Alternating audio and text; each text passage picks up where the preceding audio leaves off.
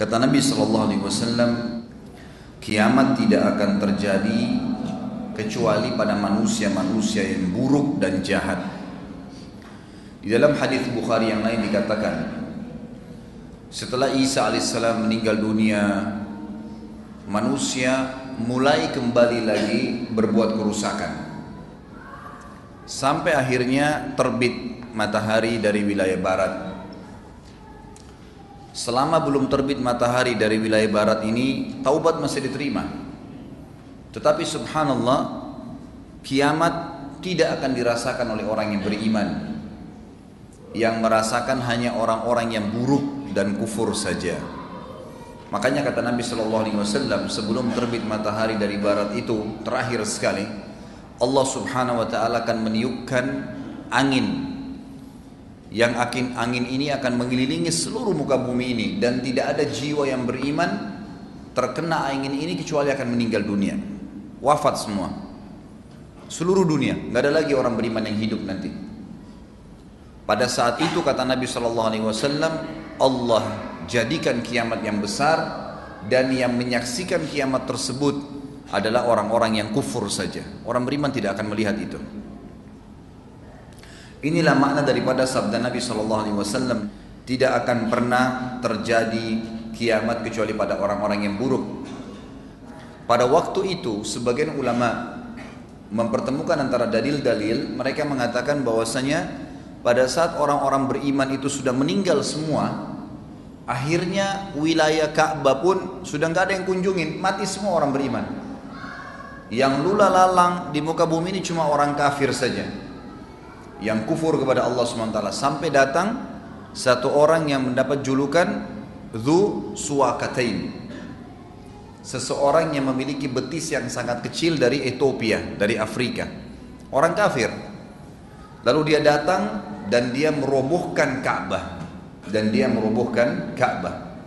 Kata Nabi SAW, demi zat yang ubun-ubunku dalam genggamannya, aku sekarang seperti sedang diperlihatkan oleh Allah.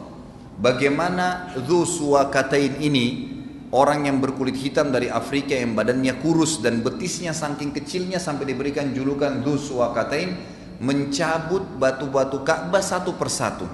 Sampai habis. Sebagian ulama mempertemukan juga perilaku Dzuswakatain ini kenapa dia hancurkan Ka'bah? Karena waktu itu tersebar berita kalau di bawah Ka'bah itu ada harta tersimpan. Maka dia pun berusaha untuk membongkar dan tidak ada yang menahan dia pada saat itu karena memang tidak ada orang yang beriman lagi, sudah habis. Kalau ada orang beriman tidak mungkin dibiarkan gitu kan. Ini terakhir sekali, kejadian-kejadian ini terakhir sebelum terbitnya matahari dari barat. Karena kata Nabi SAW, kalau sudah terbit matahari dari barat, memang sudah tidak lagi orang beriman. Tidak akan diterima taubat seseorang. Memang sudah tidak ada lagi orang bisa bertobat. Orang kafirin juga tidak tahu kalau mau bertobat seperti apa. Seperti itu kejadiannya. Dikatakan dalam ayat Al-Quran, disebutkan dalam surah Az-Zumar ayat 68 sampai 70. Dan pada saat itu, pada saat dipertemukan dengan hadis Nabi tadi sallallahu alaihi tinggal orang-orang kafir saja, ditiupkanlah sangkakala. Maka matilah semua yang di langit dan di bumi kecuali siapa yang dikehendaki oleh Allah. Yang tidak mati adalah para malaikat-malaikat yang Allah pilih seperti delapan pemikul singgasananya Allah.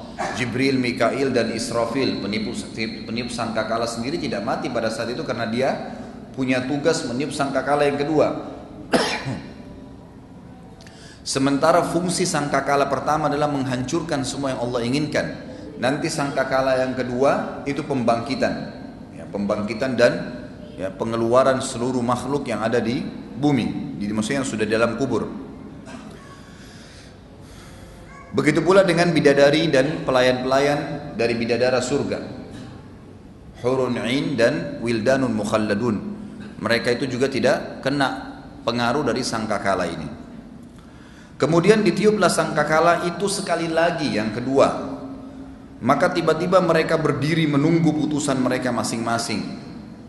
Dan terang benderanglah bumi padang mahsyar dengan cahaya keadilan Robnya dan diberikanlah buku perhitungan perbuatan amal masing-masing dan didatangkanlah para nabi dan saksi-saksi dan diberi keputusan di antara mereka dengan adil sedang mereka tidak dirugikan dan disempurnakanlah bagi tiap-tiap jiwa balasan apa yang telah dikerjakannya dan dia Allah lebih mengetahui apa yang mereka kerjakan.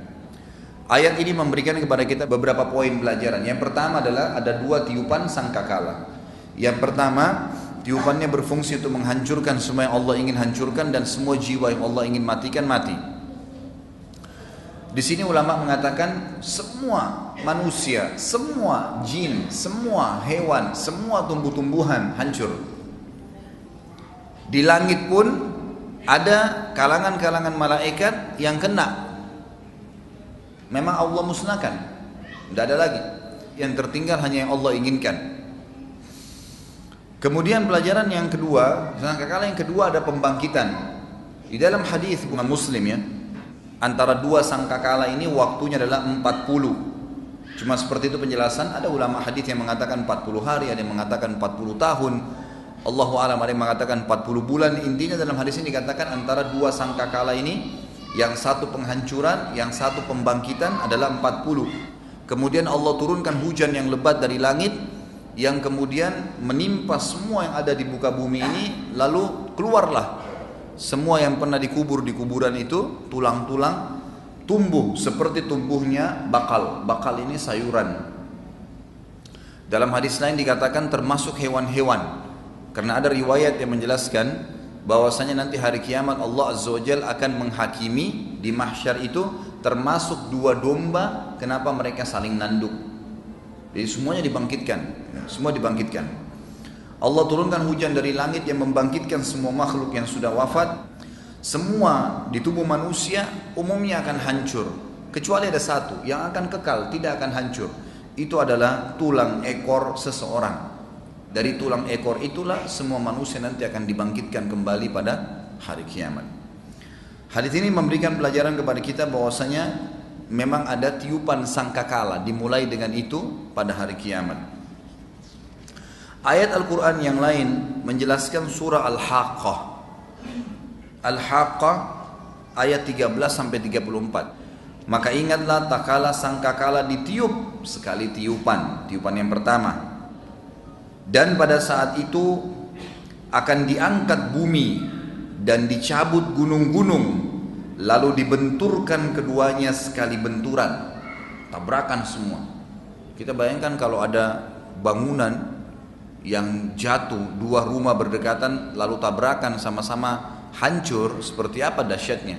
Bagaimana kalau dua buah gunung? Bagaimana kalau seluruh gunung di atas bumi ini tercabut melayang di bab riwayat disebutkan terbang seperti kapas lalu ditabrakan kembali ke bumi dengan satu benturan kata para ulama dengan satu benturan itu maka akan berantakan semuanya pada hari itulah, pada saat itulah terjadi kiamat dan terbelahlah langit pada saat itu. Langit yang kita lihat utuh itu terbelah. Karena pada hari itu langit menjadi lemah dan pada saat itu malaikat-malaikat yang memang memenuhi langit mereka semua berada di penjuru-penjuru langit kelihatan. Sekarang kita nggak bisa lihat malaikat selain ada hijab di mata kita tidak bisa. Allah memang belum izinkan kita melihatnya kecuali pada saat kita akan meninggal dunia kita akan melihat menyaksikan malaikat maut dan itu termasuk fitnah mati yang pertama kali disaksikan oleh manusia. Pada saat itu terbuka langit dan semua malaikat terlihat di langit dan juga dikatakan pada hari itu delapan pemikul arsh Rabbmu yang meletakkan di atas kepala mereka juga hadir Lalu Allah menyambung di ayat 18-nya, tadi sudah ayat 17 ya. Pada hari itu tidak ada sesuatu pun yang tersembunyi bagi Allah Tuhan kalian.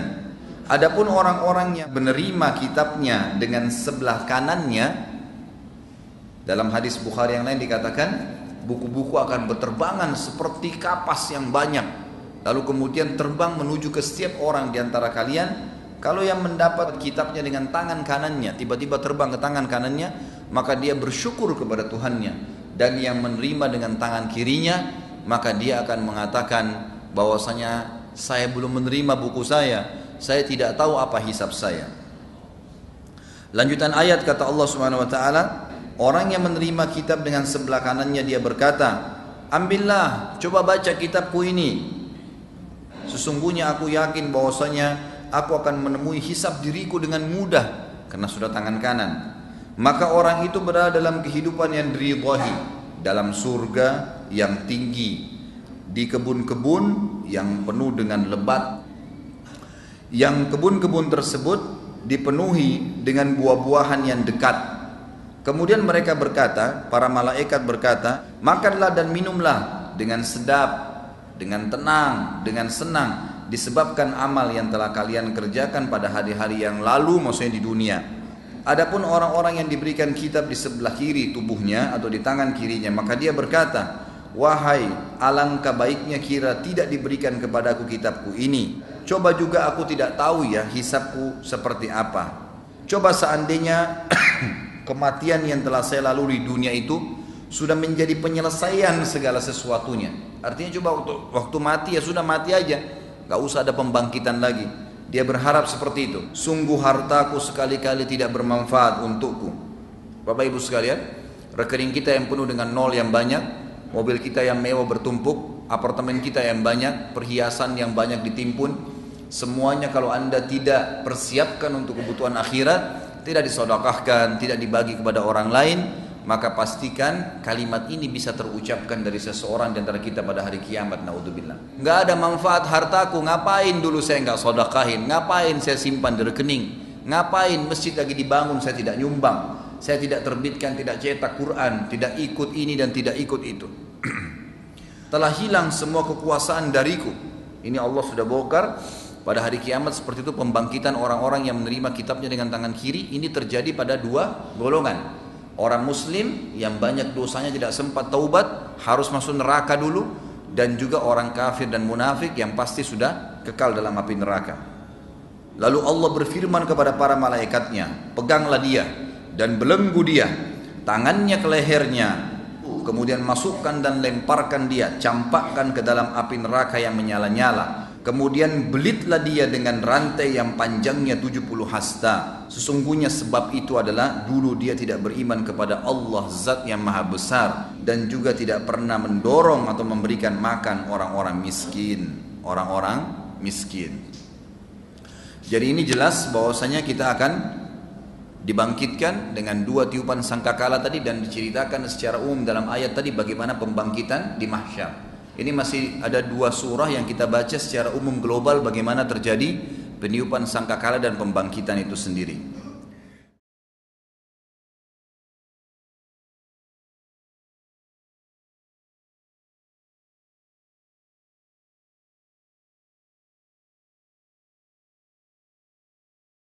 Assalamualaikum Untuk pemesanan paket umroh murah Bisa menghubungi 0821